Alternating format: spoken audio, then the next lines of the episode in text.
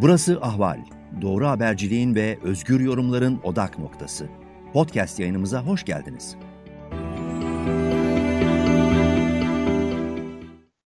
Merhaba, Ahval sıcak takipteyiz. Ben Yavuz Baydar. Bu uh, günkü konumuz uh, e, 3 Mayıs vesilesiyle Dünya Basın Özgürlüğü Günü vesilesiyle son durumu Türkiye'de değerlendirmek. Dünyanın en karanlık tablolarından bir tanesi Türkiye'de yaşanıyor. Medya özgürlüğü, gazetecilik koşulları ve e, elbette kamusal tartışma e, özgürlüğü, açıklığı ve e, medya kuruluşlarının bağımsızlığı açısından. Pek çok e, konu var konuşacağımız ve e, önce kim kime konuşacağız onu e, takdim edeyim. Barış Altıntaş bizlerle birlikte. Barış Medya ve Hukuk Çalışmaları Derneği eş direktörü hoş geldin. Merhaba, hoş bulduk. Ve Aval Türkçe editörü Ergun Babağan. Ergun sen de hoş geldin. Merhaba. Evet, şimdi e, durumla ilgili e, tespitleri yapmaya başlayabiliriz. Aslında hakikaten çok boyutlu, çok katmanlı. Hem e, yönetimlerin e, medya sektörüne ve gazeteciliğe, mesleğimize ettikleri hem de aynı zamanda e, bizim kendi kendimize e, ilişkin yaptıklarımız, ettiklerimiz. Sadece e, her şeyi belli bir yönetimin tasarruflarına bırakmak da çok e, doğru değil. Gazetecilik adil olma mesleğidir. Dolayısıyla kendimize de e, başkalarına çuvaldızı batırırken iğneyi de batırmamız lazım. Aslında bir korku cumhuriyeti sözünü ettiğimiz şey. Yani bugün açıklıkla konuşacağız e, ve bütün e, elimizdeki verileri ne varsa elimizde paylaşmaya çalışacağız sizlerle. Korku Cumhuriyeti Türkiye. Yani e, George Orwell'in ünlü 1984 kitabında ne yazılıysa aynen sanki o bir senaryoymuş gibi uygulanmakta. Ve e, tabii bunun en, e, bu bir buzdağı gibi düşünürsek e, vahim tabloyu buzdağının tepesinde e, hapisteki meslektaşlarımız, gazeteciler var. Türk ve Kürt gazeteciler. Bendeki rakamlar 83. Mart ayının ilk yarısı itibariyle ama bilmiyorum Barış'a şimdi sözü vereceğim birazdan. Onda belki farklı sayılar vardır. Ve bir de tabii e, ortada Türkiye sıralaması var. Türkiye medyasının medya özgürlükleri, bağımsızlığı ve çoğulculuğu bakımından, üç kriter bakımından dünyadaki yeri. En son sınır tanımayan gazeteciler, RSF verilerine göre, raporuna, endeksine göre 180 ülke içerisinde Türkiye e, medyası, medya özgürlüğü, Türkiye devleti daha doğrusu 153. sırada. E, Freedom House, Özgürlük Evi, e, sanıyorum 6. ya da 7. yıl sürekli olarak Türkiye'yi bu açıdan özgür olmayan ülkeler listesinde tutuyor. Bu da çok önemli bir kriter. Bir de şunu ekleyelim. Türkiye'de yönetimin sürekli değişme halinde olduğu e, Avrupa İnsan Hakları Mahkemesi, Avrupa Konseyi'nin bir parçası. 47 üyesi var. 47 üye içerisinde 2020 yılı kayıtlarına bakıldığında e, Türkiye en önde şikayetler ve işte verilen kararlar bakımından. Bütün bu şikayetlerin çok önemli bir bölümü, onda 9'u diyebileceğimiz oranı ifade özgürlüğü ile ilgili. İfade özgürlüğü dediğimizde zaten medya özgürlüğünü kapsayan bir şey, bir, bir kavram. Yani e, yine e, burada gördüğümüz manzara e, aslında Türkiye'nin e, 180 ülkenin en dip noktalarındaki işte çoğu Afrika veyahut Orta Asya Cumhuriyetleri arasındaki yerini bize anlatıyor.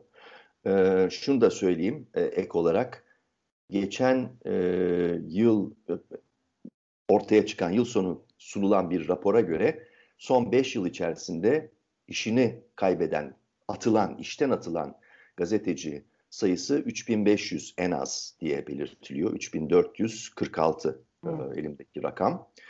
E, 2020'de işten atılanlar 215 gibi duruyor burada. Sendikal haklar bu sık sık gündeme gelen ama arka planda kalan bir şey. E, aslında Türkiye'de Türkiye Gazeteciler Sendikası'na e, başta e, üye olan ve bir iki ufak başka e, sendikaya da üye olanların, gazetecilerin oranı yüzde sekiz civarında. Yani her yüz gazeteciden en azından 90'ı sendikal haklardan, dolayısıyla iş güvenlicesinden yoksun. Dolayısıyla işten atılma korkusu her zaman gündelik hayatlarına yansıyor. Dolayısıyla otosansür, e, haber gizleme, haber saklama veyahut haberleri patronların veyahut rejimin istediği şekilde eğip bükme kültürü doğrudan doğruya buna bağlı. Evet, yani bildiğimiz gibi zaten bağımsızlık noktasında e, çok ciddi sorunlar yaşanıyor. E, olağanüstü hal ilanıyla birlikte e, kapatılan Türk ve Kürt medya kuruluşlarının sayısı 200'e yakın. E, burada bir değişiklik yok. Geriye kalan medyanın da bağımsızlık kriteri açısından baktığımızda %95'inin dışında kalan %5, %4 civarında olanı iyi kötü şöyle böyle bağımsız sayılabilecek bir kesim. Bunların içinde de tabii partizan medya var. Onun üzerinde de ayrıca durmak lazım. Çünkü bunlar da belli soldaki veyahut sağdaki bazı partilerle organik veya dolaylı bağlantı içerisinde. Aslında batıda olan bir kavram bu partizan medya. Gazeteciliğin çoğulculuk içerisinde bir parçası. Bunu çok olumsuz anlamda almamak lazım. Ama tam anlamıyla da tabii bağımsız gazetecilik diyemeyeceğimiz bir gazetecilik türü. Şimdi genel tablo bu Barış. Ee, senin buna e, tabii şeye girmedim. Yani online medya, e, dijital medyaya, internete girmedim. Onun sohbetimizin ilerleyen dakikalarında e, daha sonra ele alırız da. Senin bununla ilgili olarak bize aktaracağın bilgiler, ek bilgiler, düzeltmeler ne varsa onları alalım ben, şimdi. E, genel tabloda çok doğru bir tespit var. İki yönlü olarak gazeteciler ve gazetecilik baskılanıyor. Bir tanesi e, hükümet baskısı e, ve sansür. Bunda zaten hani e, tartışacak bir yan yok. İkincisi endüstrideki değişimler. E, bunun e, işten atılmanın bir kısmı şeyle ilgili değil. E, baskı istemediğim bir şey yazdım gibi değil. Açıkçası e, işte bu hükümetin eline geçen %95 e, bazen %97 gibi rakamlar veriyorlar. Onun dışında da çok az gerçekten e, bağımsız medya var. Şu an zaten e, işte yandaş diye bazen tabir edilen e, medyada herhangi bir e, nasıl söyleyeyim nötr bir gazetecinin iş bulması çok zor. Siz gazetecilikte devam etmek istiyorsanız o zaman e, kalan Nötr bir gazeteci çok... demeyelim de profesyonel bir gazeteci Profesyonel aynen öyle. İşinizi yapmak istiyorsanız şunu demek istiyorum. Örneğin e, bugün bilmiyorum nasıl işe alıyorlar ama tahmin ediyorum ki işte sabaha girmek için veya işte e, herhangi bir gazeteye girmek için e, belli bir, e, bir belli bir tipte bir insan olması Veya lazım. CNN Türkiye girmek için mesela. Mesela, mesela aynı şekilde bugün Demirören grubu gazeteleri için de herhalde bu geçerli. Bir tür vet, vetting süreci olması lazım. Bunu demek istedim.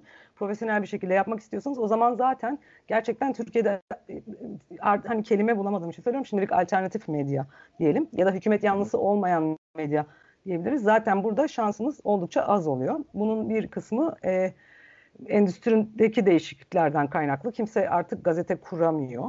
E, online medya. Bunların da çok e, haklı finansal endişeleri var. Bütün reklam e, modelleri, para kazanma modelleri dünyanın her yerinde çok değişti ve bunların e, sonucu olarak bu yıl 3 Mayıs'a gazeteciler e, işsizlik, güvencesizlik, sansür, baskı, e, hapis, e, soruşturma, dava, duruşma kıskacında girmeye devam edecekler. Ben çok e, şöyle bir ekleme yapmak istiyorum. E, 3 Mayıs'tan birkaç gün önce bu yasaklar e, Türkiye'de e, bir kısıtlama geldi. Covid kısıtlaması eleştirildi de biraz hani tam mı değil mi diye ama e, 17 gün boyunca e, böyle bir tam bir lockdown olmasa bile e, bir sokağa çıkma kısıtlaması geldi. Bundan birkaç gün önce de Emniyet Genel Müdürlüğü'nün e, e, bir genelge yayınladı. E, kolluk kuvvetlerinin görevlerini yaptıkları sırada ses ve e, görüntü almasına yasak getiren bir genelge yayınlandı. Biz bunu şöyle görüyoruz bu süre içinde herhangi bir protesto, e, bir sosyal olguda gazetecilerin görüntü almasını engellemeye yönelik bir girişim olarak görüyoruz. Biz de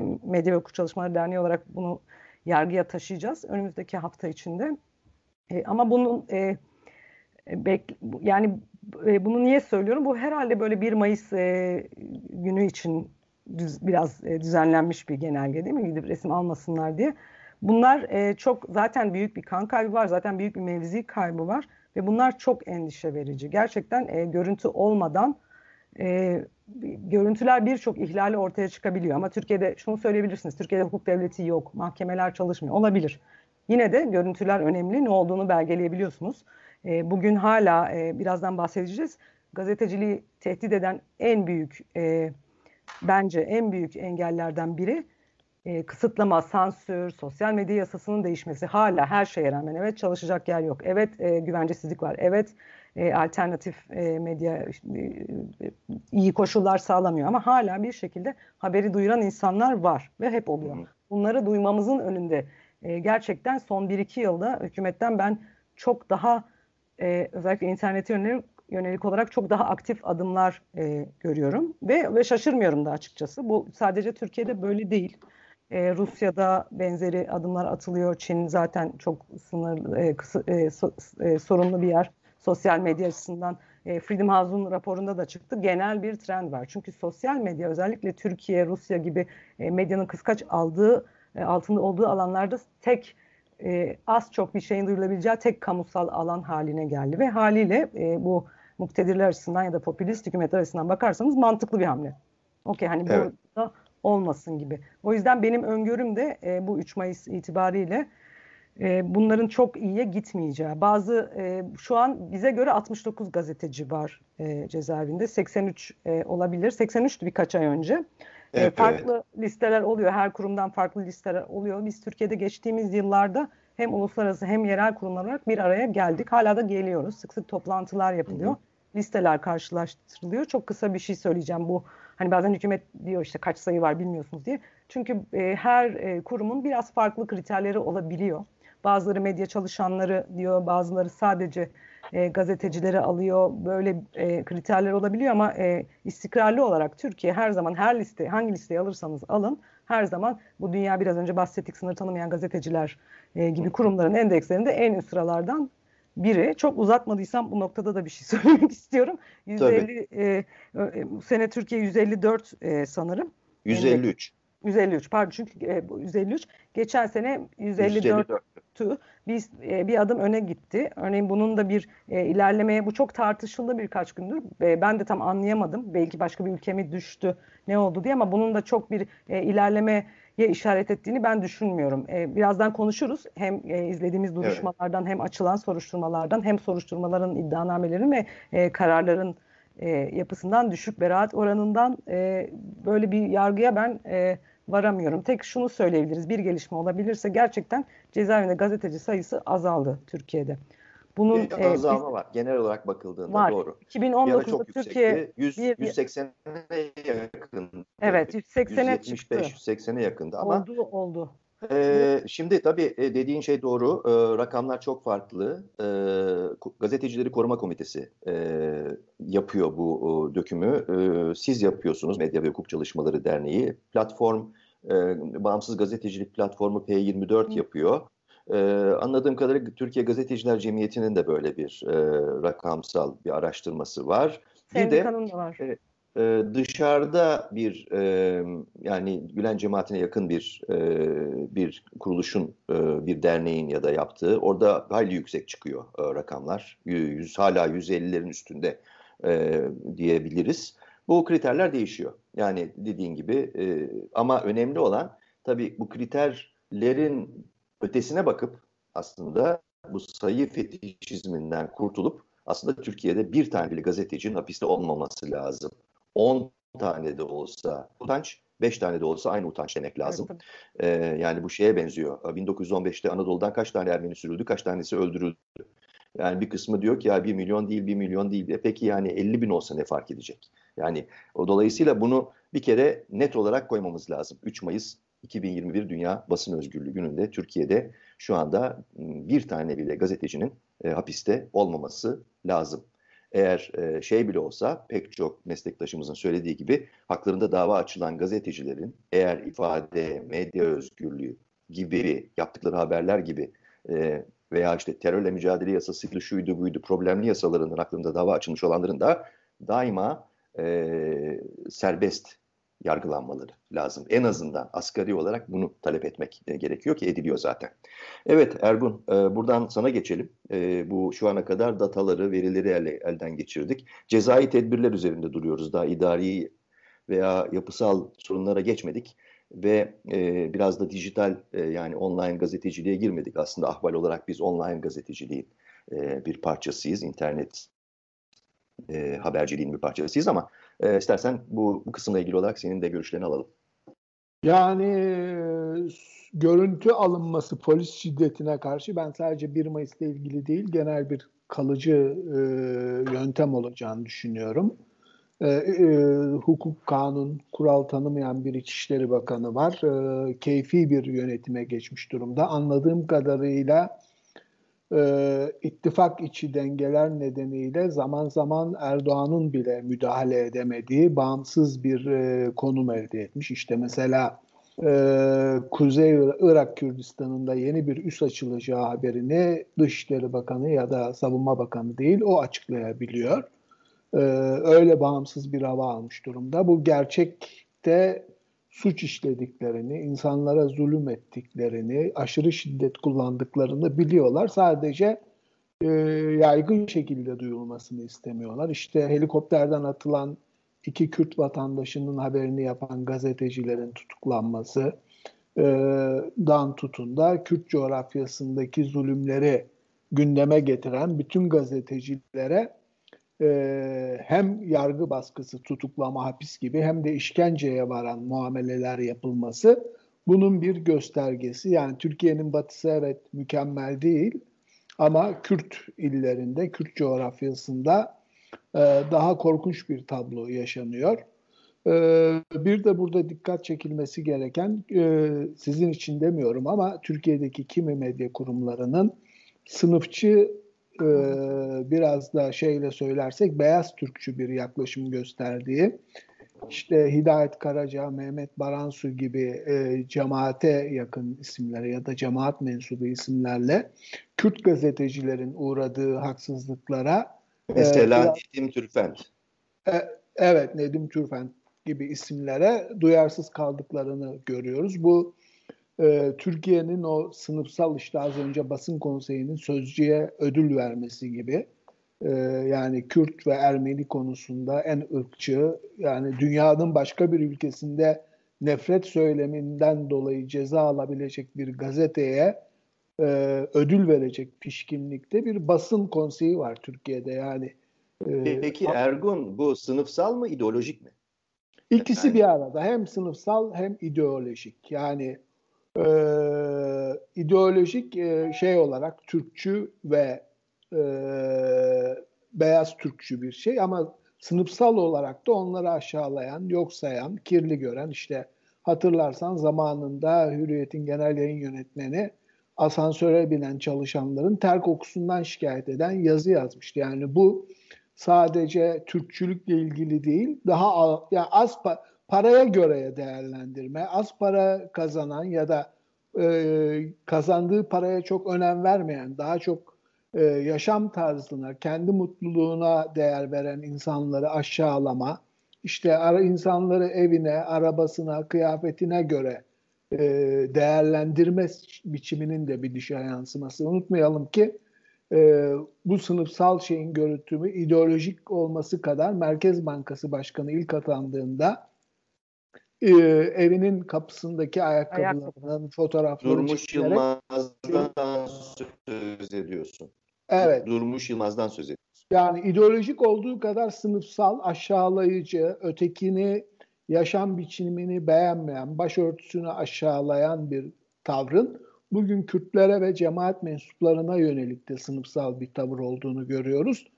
Yani Türkiye'nin açmazı bugünkü iktidar değişse bile bu e, yerine gelecek, yerine alacak medyanın işte bakıyoruz Halk TV'de e, kimi programlarda dile getirilen söylemlere falan e, o ırkçı, Türkçü, tekçi anlayışın değişmeyeceği, Türkiye'nin kolay kolay çoğulcu bir modele evrilemeyeceği, bu yüz kuruluşundaki genlerden dolayı e, gözümüze çarpıyor. Tek bir umut var. Yani bunu söylemek belki ayıp ama Tanzimat döneminde olduğu gibi bir dış baskı. Amerikan yönetimi şu anda bunu e, küçük ve orta ölçekli Orta Amerika ve Güney Amerika ülkelerine yönelik devreye soktu. Ee, Dışişleri Bakanı Blinken bugün de Salvador'la ilgili bir açıklama yaptı. Direkt başkanı arayıp uyarılarda bulunduğunu. Bu Türkiye'deki olup bitenin farkında olduklarını, bunların rapor edildiğini vesaireyi biliyoruz. İşte artık Beyaz Saray'da bir demokrasi ve insan hakları masası ve başında bir e, kadın yönetici var. E, ona bu raporların gittiğini biliyoruz. Dışişleri Bakanlığı'nın raporladığını biliyoruz. E, orada mesele hep olduğu gibi Türkiye'nin stratejik önemi öne çıkıp bunlar görmezden mi gelecek yoksa Biden bu demokrasi ve insan hakları e, doktrinini diyelim e, tarihe öyle geçmek istiyor anladığım kadar dünya tarihine. Evet. Gündeme ben, alıp Türkiye'yi sıkıştıracak mı? O, Söze girebilir evet, miyim? Barış. E, Ergun Bey söylediği hakkında. Benim için hassas bir konu olduğu için e, bu e, evet dayanışma değil mi? Biz e, ideolojik mi sınıfsal mı diye konuşuyoruz. Ben e, e, bundan biz çok rahatsız olduk. Bizim e, derneğimizin yaptığı ana iş e, gazetecilere hukuki destek vermek. Ve e, ceza, şu an 7 tanesi cezaevinde bu sayının 11-12'ye çıktığı oldu. Ve gerçekten böyle bir özellikle Kürt gazeteciler için e, bunu e, çok hissettik. Benzer şekilde e, darbe sonrası e, birçok dava oldu Türkiye'de. Şu an e, hepsi e, sonuçlandı. İnsanlar artık 6-7 yıllarını dolduruyor ama bir e, hani isim vererek e, konuşmak istemiyorum ama vereceğim. Çünkü e, kafamı toparlayamadım. Örneğin e, şey evet. kamuoyunda Atilla Taş davası diye bilinen bir e, işte darbe sonrası duruşma vardı. Orada e, yaklaşık e, 24 ya da 25 kişi vardı e, çoğu işte e, cemaate yakın. Biz de vardık muhtemelen o şeyde pakette ama Türkiye'de olmadığımız için. Ama iddianameye düşmedi isminiz. Sizin Ayırdılar bizi çünkü. Belki de evet hiçbirinde yoktu. Şey, e, evet. Diye, o Peki var Barış devam et. Pardon yargılandı e, şeyde ve biraz da işte Murat Aksoy ve Atilla Taş gündeme geliyordu. E, o 24 gazeteci ve bu duruşmanın örneğin e, olduğu e, son karar duruşması olduğu günü ben hatırlıyorum. 2018 sanırım 8 Mart'tı. E, ertesi günde şey e, e, Cumhuriyet Gazetesi'nin e, duruşması olacaktı Silivri'de ve bu Cumhuriyet'in duruşması için e, işte birçok örgüt e, yabancı gözlemci getirmişti değil mi? Demin, demin biraz bahsetti, biraz önce bahsettiğimiz CPJ, RSF, işte çeşitli ifade kuruluşlarından hmm. insanlar gelmişti ve Perşembe günleri o zaman e, Adliye e, Çağlayan'da Adalet Nöbeti adı verilen gene Cumhuriyet gazetecileri için ağırlıklı bir e, eylem yapılıyordu her gün. Hem ona katıldılar. İşte ertesi gün e, Silivri'de duruşmaya gidecekler ve o gün karar duruşması vardı. Şey e, bu Atilla Taş davası dediğim o duruşmanın e, ceza alacaklar hepsi aldılar zaten ve gerçekten e, o e, şeylerden birine ben sordum e, gözlemcilerin. Okey şimdi hani saat üç buçukta şey beşinci katta şu duruşma var ve hiçbir fikri yoktu. Şimdi siz hani kendi davanız için getirmişsiniz beş kişiyi yurt dışından belki ona hani karar ceza çıkacak yani insanların şey bunu da yapabilirsiniz. Bunu bir örnek olarak söylüyorum. Bu çok doğaltılı, çoğaltılabilir işte. E, Mehmet Baransu, Ahmet Altan çok yalnız bırakılan isimler işte bu ideolojik nedeniyle ama o da onu yaptı ama o da şunu yaptı diye. Bu Türkiye'nin zaten e, her anlamda sorunu. Bu Türkiye'nin başına gelen e, aslında durumun e, bence temel nedeni bu bölünme. Ama şunu da söylemek istiyorum çok uzatmadan. Bence e, Türkiye'de e, bu her yerde var değil mi? Avukatlar arasında görüyoruz, herkes arasında. Gazeteciler biraz son yıllarda bunu öğrendiler ve aşmaya başladılar. Bu anlamda e, bir değişim olduğunu ben söyleyebilirim. Bir örnek daha vereceğim. Hatırlarsanız e, Libya'da görev yapan bir MİT mensubunun cenazesiyle ilgili haberler e, nedeniyle e, bazı gazeteciler tutuklandı. Ve burada gerçekten hem e, işte böyle daha e, tanımı yapmak için değil daha böyle ulusalcı kanat olarak düşünülen kişiler de vardı ama aynı zamanda e, yeni yaşam yani Özgür Gündem'in yeni adı Kürt e, medyasından da iki kişi vardı. Evet, ha, çok tamamen birbirleriyle hiç değmeyen iki kesimin e, gazetecileri o do dosyada buluştular aslında. Buluştular ve o sırada kampanyalarda sadece işte e, Barış Terkoğlu, Barış Pehlivan değil, hakikaten diğer arkadaşların da isimleri geçtim. Bu mesela bence e, daha önceki senelerde belki olacak bir şey değildi e, hani genel yapılan şeylerde ben böyle bir e, dayanışma farkındalığının da çıkmaz ama sadece basın için söylüyorum bunu. Hala avukatlar, şimdi barolarda da çok saldırılarla karşılaşan farklı kesimler oluyor haliyle Türkiye'de her gün. E, aynı şeyi görmüyorum. Sanki gazeteciler belki de darbe girişimi sonrası çok fazla e, duruşma dava gördükleri için birazcık anlamaya başladılar gibi, gibi. bir hani, olumlu bir şeyim var evet. Gibi. Peki Doğru Barış birazcık sağına kay, sağ, Konu, konu işte, teşekkürler. Biraz sağına kay lütfen. Orada kal. Ben de şuna buna şunu ekleyeyim. Yani işte Ergun sınıfsal dedi. Ben ideolojik mi diye sordum. Aslında senin de söylediklerinden sonra şöyle toparlamak mümkün bunu. Çok sıkıntılı bir bir e, kültür sorunu aslında bu. Evet. Ve en zor en zor değişen şey kültür aslında. Yani dışarıda isterse Blinken e, ağaçtan 5 yerine 15 armut toplasın, isterse e, işte Fransa hükümeti şunu yapsın, bunu yapsın. Bu kültür e, kolay kolay değişecek gibi görünmüyor. Gazetecilik ve sektörün sinmiş olan kültür. E, meslektaşımla böyle tartışıyordum yazılı olarak e, işte çeşitli kesimleri eleştiriyordu filan. Ondan sonra biraz da dokundurmaya çalışıyor. Yani e, e, biz biraz daha böyle sol liberal kesim gibi gözüküyoruz. Onun gözünde o daha böyle Kemalist bir kendisini sol diye tanımlıyor ama yani o Kemalist kesim meşrepte. E, biz sonradan muhalif muhalif olmadık. Biz başından beri muhaliftik dedi. Şimdi burada bu ifadede çok ciddi problemler var. Gazetecilerin yani şu anda iktidara karşı e, pozisyon almış olan gazetecilerin önemli bir çoğunluğu gazeteciliğin doğru e, tanımının muhaliflik olduğunu zannediyorlar. Böyle bir illüzyon içerisindeler. Gazetecilik muhalif olmak değildir. Gazetecilik eleştirel olmaktır. Bunu yıllardır anlatmaya çalışıyoruz. Eleştirel olmak başka bir şey. O mesleki bir e, iskeletin bir parçası. Muhalif olmak, siyasi olmakla ilgili olan bir şey. Mesela Selahattin Demirtaş muhaliftir. Pozisyonu bellidir. O pozisyon Selahattin Demirtaş veyahut Meral Akşener, her kimse yani siyaset içinde olanların kendilerini muhalif diye tanımlayabilirler. Ama onlar yani gazeteciler iyi bir e, icraat var. E, onu onu yazmakla yükümlüdürler. Yani biz aslında gündelik bir yargılama süreci içerisinde hareket eden bir meslek koluyuz. Ve biz e, ahlaklı ve dürüst olmak zorundayız. Eğer iktidarda şu anda bulunan parti diyelim ben genel af ilan ediyorum derse biz hayır biz muhalif olduğumuz için buna karşı çıkıyoruz diyeceğiz. Bunun aleyhinde mi yayıncılık yapacağız? Bunu bir türlü e, önemli bir kesim aslında kavrayamadı ve ilk başlarda e, şu anki iktidar partisi AKP 2001-2002'den 2008'e 9'a kadar AB reform politikasını e, yürürlüğe koymaya çalıştı. İşte şu ya da bu sebeple ama çok reform geçirildi. 500'e yakın reform geçirildi. Bu politikayı doğru olarak bulanlar bir kısmı desteklediler. Politika desteklemek başka bir şeydir. Gazetecilik olarak bir partiyi partizan olarak desteklemek başka bir şeydir. Bu ayrımı da yapamıyor, yapamadılar ve hala yapamıyorlar Barış. Ve bunu şey zannediyorlar yani e, yandaşlık falan zannediyorlar. Halbuki gazeteci Almanya'da şurada burada yani siyaseti izler, iktidarın icraatını izler, muhalefetin icraatını izler, bakar, yargının icraatını izler. Ne, ne karşısına çıkarsa yani. Ve o her bir icraatı kendi içinde sonuçlarıyla filan değerlendirir. Yani bu hala bu kültür diyoruz ya bu çok sorunlu bir kültür aslında ve gazetecileri sürekli birbiriyle didişme halinde tutan bir kültür.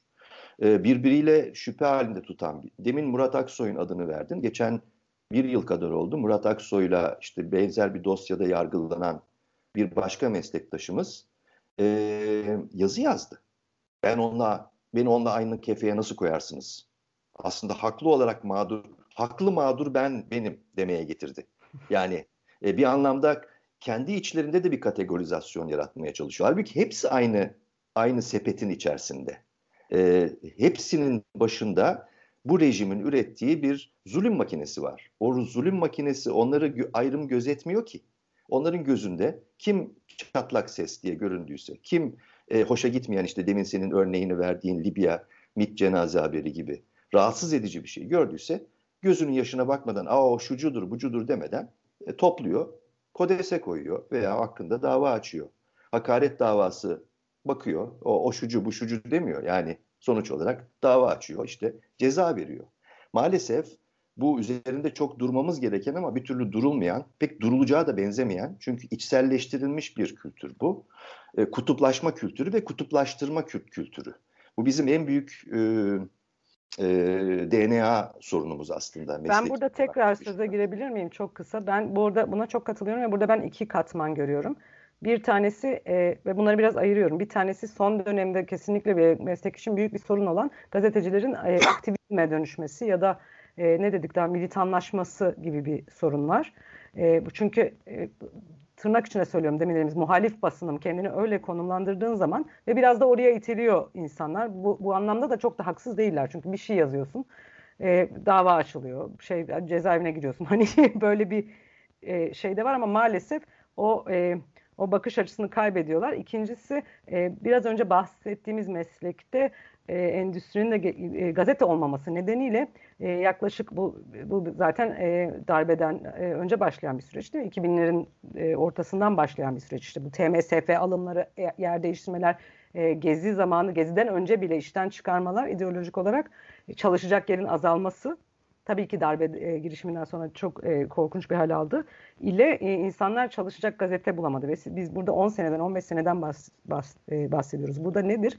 Bir işte e, muhalif basında çalışan veya kendini freelance olarak e, tanımlayan ve haber yapan birçok insan hiçbir zaman bir gazetede çalışmadı, editoryal basın toplantısına katılmadı ve bu mutfağı görmedi.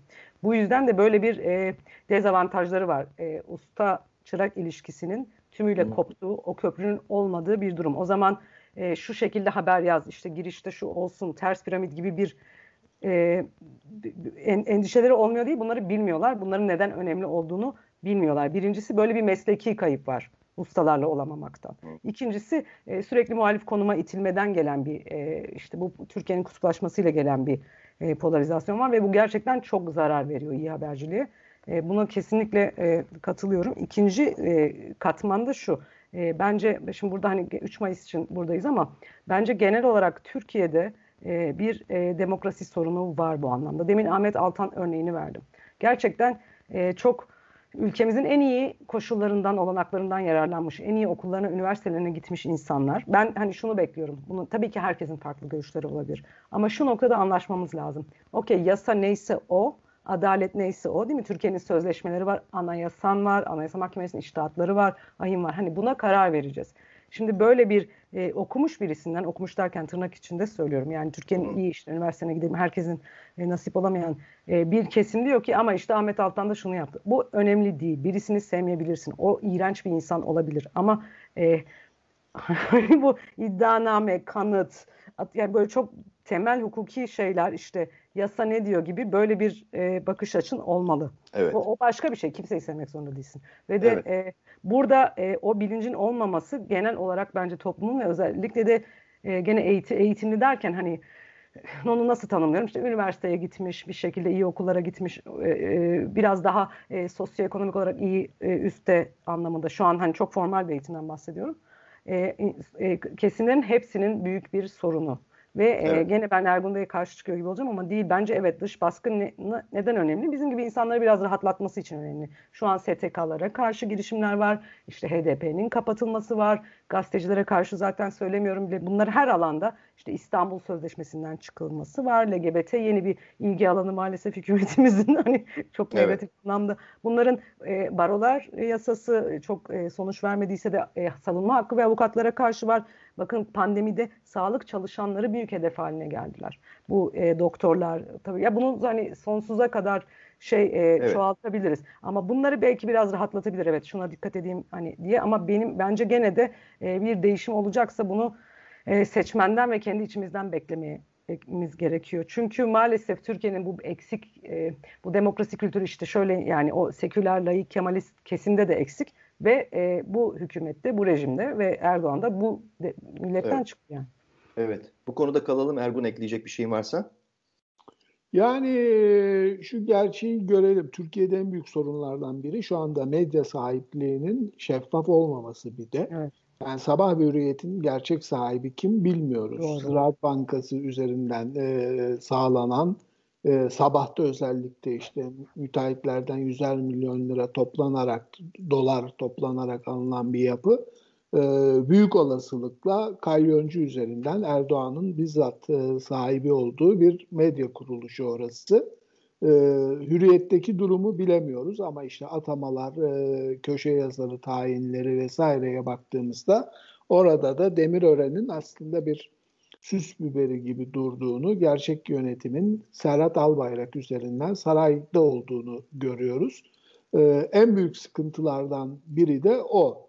Ve işte muhaliflikse e, sabah ve hürriyet el değiştirmeden önce en keskin laikçi, anti-Müslüman her türlü duyguyu yansıtan köşe yazarları ve yöneticilerin bugün hiçbir şey olmamış gibi oralarda bu sefer tamamen AK Parti'den, AKP'den yana bir tavır içinde görevlerine devam etmeleri, hiçbir şey olmamış gibi e, varlıklarını sürdürmeleri e, medyadaki o bel kemiksizliğin hesap vermeme kültürünün de e, Türkiye'yi getirdiği bir yer. Yani Türkiye zamanında e, başta Doğan grubu olmak üzere insanları hedef gösteren, öldürten, işte Hrant Dink'ti, Ahmet Kaya'ydı, Orhan Pamuk'u ölümden döndüren, e, zor kurtuldu. İşte Tahir Elçi'yi ölüme sürükleyen yayınlar, programlar yapan medya kurumlarına Türklük, milliyetçilik ve yalakalık adına sahip çıktığı için e, bu pervasızlık devam etti. Yani bu noktaya geldi. Evet. E, bugün işte Sedat Peker'in Mehmet Ağar'la vesaire ile ilgili videosu vardı. Aynısını dönüp Türkiye medyasının temel isimleri içinde yapabilirsiniz. Yani bu çürüme e, çok derin kök salmış durumda medyada. Ve gerilere doğru da gidiyor. Ee, Ergun e, haber odalarında, haber merkezlerinde editör olarak, genel yayın yönetmeni olarak bunu e, bizzat e, tecrübe etti. Ben de 1999'da ilk Türkiye'nin ilk ombudsmanı olarak başladığımda Milliyet Gazetesi'nde 2013'e kadar 14 yıl boyunca gözlemleyebildim. Gerilere gidiyor. Bu patron unsuru, faktörü patronaj e, e, sektör içerisindeki e, patronluğun e, ta baştan yavaş yavaş böyle bir kurt tarafından kemirilen bir elma misali 1990'ların başından bugüne kadar e, gelmesine ve çok beter bir hal almasına yol açtı. Şu anda e, tefessüh etmiş bir sektör var bu açıdan bakıldığında. E, 1990'larda aslında e, patronlar ve onları gözleyen iktidarlar yani Ankara ve bürokrasi e, burada çok ciddi bir çıkar ilişkisi kurma e, zemini buldular. Karşılıklı olarak birbirlerinin menfaatlerine nasıl hizmet edeceklerini anladılar. Ve bir şekilde medya patronları, o büyük büyük patronlar, işte e, Dinç Bilginler, e, Aydın Doğanlar, Uzanlar, e, Şahenkler, e, bu büyük isimler bunlar ve diğerleri e, giderek bu güçlerini geliştirdikçe e, işte kamu ihaleleri almak için kendi çıkarlarını yani şahsi veya ailesel e, çıkarlarını korumak için nüfuz alanlarını parasal anlamda genişletmek için Ankara'ya giderek daha fazla bir baskı mekanizması kurdular. Bu sistemleşti 1990'larda. Bankalar kurdular. En sonunda çöktüler. Aslında o içeriden patronların kendilerinin sahneye girmesiyle oluşan bir mekanizmaydı. Ve e, Türkiye'nin 1990'da büyük bir rol oynadı. Sonra AKP'nin gelmesiyle aslında bir müddet umutlanıldı. Yani e, saadet çarkını aslında kıracağı ve medyada çoğulculuğu sağlayacağı, bağımsızlığı daha çok kökleştirici işte bir, bir mekanizmanın kurulacağı zannedildi. Ama bu sefer bir fersah öteye geçildi. Bu sefer dönemin başbakanı Erdoğan tekleştikçe bu sefer kendi medya patronlarını üretip aday haline getirip daha sonra onlara zorla aslında ben işte filanca ihaleyi sana vereceğim ama onun yanında ek olarak sana işte filanca gazeteyi e, veriyorum onu almak zorundasın demeye başladı. Böylece işte Kalyon'du, Çalık'tı, şuydu buydu tek tek evet. o sahneye girdiler. O eski tip patronların yerini yavaş yavaş almaya başladılar. Yani özetle özetle bu saadet çarkı halen devam etmekte ama tabii kalitede düştüğü için e, ve e, doğrudan doğruya artık kör kör gözün parmağına bir e, patron hakimiyeti üzerinde, otosansür üzerine kurulu bir e, sansür mekanizmasını, e, bir bir baskı mekanizmasını e, kurduğu için ve olağanüstü para çarçuru ve yağmalama sistemine dönüştüğü için artık medya bunun altında ezim ezim ezilmiş durumda. Yani yüzde 95 derken aslında biz bunu kastediyoruz. Yani evet. işte Demirörenler, diğer aileler vesaire bunlar artık e, bir şekilde yani bir, bir, bir, bir takım topraklara girmiş barbarlar gibi e, davranıyorlar. Ve maalesef onların istihdam ettikleri meslektaşlarımız da elbette çok bunların hiçbir şekilde bir şey söyleyemeyiz. Yani geçimlerini sağlayabilmek için, hayatta kalabilmek için, çocuklarını okutabilmek için buralarda e, yaşamaya, çalışmaya devam ediyorlar maalesef. Ama hiçbirinin zannetmiyorum ki e, zannetmiyorum ki hiçbiri mutlu olsun bu bu koşullarda. Birkaç belli bir kesim hariç. Tabii bağımsızlık dediğimiz zaman bir de şunu da ekleyelim. E, idari ve diğer konulara geçmeden önce aslında e, yani bizzat ben dönemin Dışişleri Bakanı Abdullah Gül'le 2004-2005'te konuştuğumda özel özellikle e, TRT'nin e, bir kamu yayıncısı haline dönüştürülmesi, devlet yayıncısı olmaktan kamu yayıncısı haline dönüştürülmesinin e, medyanın zincirlerinden kurtulması için çok önemli olduğunu söylediğimde tabii yapacağız, tabii yapacağız. Hiç merak etme demişti. Ve bugün gelinen nokta e, TRT'nin daha da e, parti katı, orada, parti katı bir şekilde e, devletin yani sadece bir partinin de değil ya da devletleşmiş bir partinin e, artık e, tüm Türkiye'ye hakim geniş network'üyle e, bir propaganda aracı haline, e, makinesi haline dönüştürülmüş olması.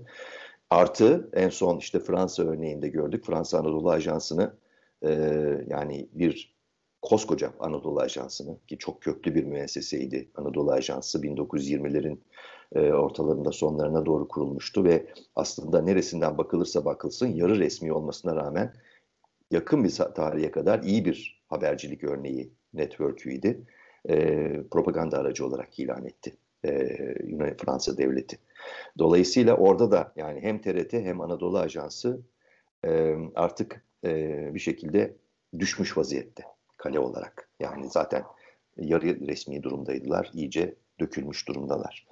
Yani e, durum bu açıdan yani Ergun'un bu noktaya girmesi iyi oldu. Hı hı. Çünkü bu patron e, ve sermaye meselesi e, Türkiye'deki sektörün işte ne kadar şeyi kaldıysa, kanı kaldıysa onu o kanı içmeye, onu sömürmeye devam edecek ve geriye sadece korkarım bir posa kalacak e, bu şeyden, bu süreç sonunda. 20-25 yıl, çeyrek yüzyıllık bir süreçten söz ediyoruz. Daha bile fazla hatta. Bir son şunu da ekleyeyim yani mesela Fox TV e, bir operasyonda alınan gazetecilerin haberini yaparken Fatih Portakal'dı galiba. Kürt gazetecileri koy almadı listeye. Yani evet. Bu kadar ah, meslek ahlakından uzaklaşmış bir tavır da var öbür tarafta dediğimiz tarafta da yani. Sadece sabah yapmıyor bunu, hürriyet yapmıyor. Kendine e, laik diyen o laikçi kesim de e, Kürtlere, ötekilere, evet. işte Ermenilere nefret kusuyor, yok sayıyor. Bu çok hastalıklı bir konu. Ben sadece son bu e, tabii ki basında e, medya sahipliğinin işte daha önce neydi bir ihale kazanmak için gazeten vardı. Şimdi ihale e, kazanmak için gazete almaya zorunda kaldı. Hakikaten hat, yani ses kayıtlarını hatırla yani aha bize bana kaldı bu falan zorunda. Aynen. İşte hoşuna gitmiyor öyle bir duruma dönüştü aynı yapı ama ben e, Türkiye'de gazetecilerin en büyük sorunu şu an ve bu e, bakın bu e, kamu yayıncılığıyla da ilgilidir. Bu bütün kurumlarda e, Türkiye'de e, özellikle başkanlık sistemine geçilmesinden sonra ve e, e, HSK'da yapılan değişiklikler nedeniyle gerçekten e, hukuk devletinin fiilen sona ermesi, yargının ortadan kalkması bunun altyapısıdır. Çünkü bu dedi yani bu sorun Merkez Bankası'nda da var. Açık konuşalım. Şimdi hani şey sadece tabii, medya tabii, tabii. akademide tabii, tabii. üniversitelerde de var. Bu bütün kurumlar için elbette çok çok çok köklü devlet kurumu. Yani Yargıtay'da var yani daha ne olsun? Yargıtay'da var. Şimdi e, HSK'daki yapı değişmeden bu e, e, yargı bağımsızlığı olmadan bu sorunların hiçbiri hiçbiri değişmez ve gerçekten şöyle bir örnek vereyim. Şimdi biz 319 tane duruşma izledik geçen sene. Hı hı. Bu her sene de öyle 330 tane falan duruşma izliyoruz. Bunlar 150-200 dava içinde. Ee, Gün başına çok, bir duruşma düşüyor yani. Evet, bazen daha çok. Ondan sonra şey ve haftada e, şey çünkü adli tatil falan da var ya yargı yıl şeyi falan Covid'den olmadı. Onları da hesaba katarsak şey e, şimdi biz ne görüyoruz? E, son hani dedim bazı iyileşmeler oldu. Yargı reformu e, geçirmişti Türkiye 2019 sonbahar Ekim'di sanırım. Sonra bazı kişiler cezaevinden çıktılar. Bu rakamın düşmesine de o var ama yeni açılan duruş, davalarda bir değişme yok. Bakın yani gene e, aynısı ben çok hani çok sizi baymadan bir tanecik rakam vereceğim. Bu 330 dava için konuşuyorum. Bunların da hemen hepsi hepsi gazeteci davasıydı. Farklı ifade özgürlüğü şeylerine bakmadık akademisyenler gibi. E, bunun, burada %60'ına e, e, yargılanan gazetecilerin e, işte bu terör suçları. Yani ne yaptın? Bir tweet attın, propaganda, üyelik, üye olmadan yardım etme ve e, bu 339 bu sürede sonuçlanan e, davaların %78'inde herkes ceza aldı. Beraat çıkmıyor. Çünkü aslında bu bizim anayasamıza göre, basın kanunumuza göre e, şey e, suç olmayan unsurlar. Yani şeye girmiyorum bile hani işte e, Avrupa İnsan Hakları Sözleşmesi'yle e, güvence altına alınmış hakkımız değil. Zaten hakkında bir tweet atmışsın Bir de e, aynı şekilde çok uzun süreli e, tutukluluklar oluyor. Gene senin hiçbir reform geçirmeden CMK'na göre bu insanı cezaevinde e, tutmana gerek yok. Bunların hepsi büyük cezalandırmalar. Ama şunu da söylemek istiyorum. Yarın beni o e, şey ben hani hukukçu değilim üçümüzden birisini iddia ediyorum oraya hakim koysa, e, olarak koysalar biz aynı kararı vereceğiz. Çünkü bizim her şeyimizi HSK karar veriyor. E, ne kadar maaş alacağız, hangi mahkemede çalışacağız, nasıl ilerleyeceğiz, atılacağız mı, kıza mı çekileceğiz, şu mu bu mu diye nasıl bir hani şey böyle bir e, yapısı var. Bu HSK'nın e, kararların hakim ve e, e, savcılar hakkında her şeye karar veriyorlar ama hepsini bir kısmını Cumhurbaşkanı diyor bir kısmını AKP atıyor. Yani bir fark yok ve tek kişi karar veriyor. Gerçekten yargı bağımsızlığının bitmesi bütün bu sorunların e, Elbette. Şey, belki bir dava açmayacak olmasanız bile aç, yani savcı olarak açmak zorunda hissediyorsunuz kendinizi durup dururken. Elbette. Böyle bunu şeyi duydunuz değil mi? Rütük Başkanı'nın televizyonlara gönderdiği talimatname emirleri. Hı. Ee, kalabalık mekanları göstermeyin. Caddeleri, stadyumları, AK Parti kongrelerini ya da cenazeleri, boş sokak görüntüleri yayınlayın. Ee, aslında bu Türklere yönelik değil, yabancılara yönelik. İşte Rusları falan kandırıp turist gelmesini e, sağlamaya yönelik bir e, tedbir alıyor kendince. Rütük'te şu anda zaten açıklanan rakamlar 3 günde yarı yarıya düşmüş gözüküyor. Komedi bir halde gidiyor evet, Türkiye. Evet. evet. Aslında Rütük dedin iyi oldu. Oradan e, bu idari e, bir şekilde e, tedbirlere geçelim e, aslında. Hı hı. Çünkü e, bu o, içinde bulunduğumuz durumun analizini yaparken ve cezai tedbirler kısmına girdik. E, yani yargı, ondan sonra infazlar ve aynı zamanda işte kültürden söz ettik. Bizim meslek içerisindeki yargısız infaz kültüründen. E, suç ve kabahati birbirine karıştırma meselesinden. Yani şimdi Ahmet Altan'ı ve örnek olarak veriyorum tarafı eleştirirken işte sanki o e, aslında belki kabahat olabilecek, belki etik açıdan eleştirilebilecek olan şeylerin sanki bir suç olduğu e, üzerinden bir bir şeytanlaştırma, bir düşmanlaştırma. Hı. Bunun önünü çekenler de elbette bizim sektörün içerisindeki bir kesim meslektaşımız. Yani öyle bir e, sert şeytanlaştırma, düşmanlaştırma var ki sanki yani bunu hedef aldıkları kişi her kimse Ahmet, Mehmet, Hasan, Hüseyin, Fatma e, sonsuza kadar hapiste kalsa herhangi bir şekilde vicdanları sızlamayacak. Çünkü çok fena kabahat işlediler ama o suçtu. Yani suç ve kabahat hukukla etik arasındaki ayrımı yapamama hali. Evet, evet. Ama ben yine e, şeye döneyim. E, yani idari olarak ne geldi, ne çorap örüldü Türkiye'de gazeteciliğin, haberciliğin başına. Dört tane temel e, sansür kurumu var şu anda ve bunlar giderek e, 1930'lar Nazi Almanyası'nı e, hatırlatan e, bazı günümüz ülkelerindeki mekanizmalara da benzeyen e, şeyler. Bunu canla başla, bunu kopya copy paste yapmaya çalışan Macaristan var, Polonya var, Türkiye'deki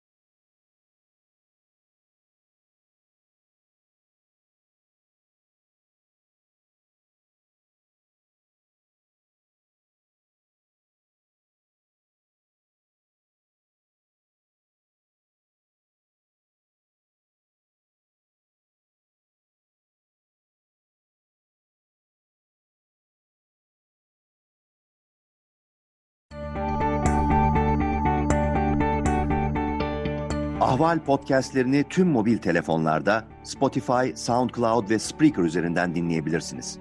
Apple iPhone kullanıcıları bize iTunes üzerinden de ulaşabilir. Türkiye'nin ve hayatın cıvıl cıvıl sesleri Ahval Podcast dizisinde. Kulağınız bizde olsun.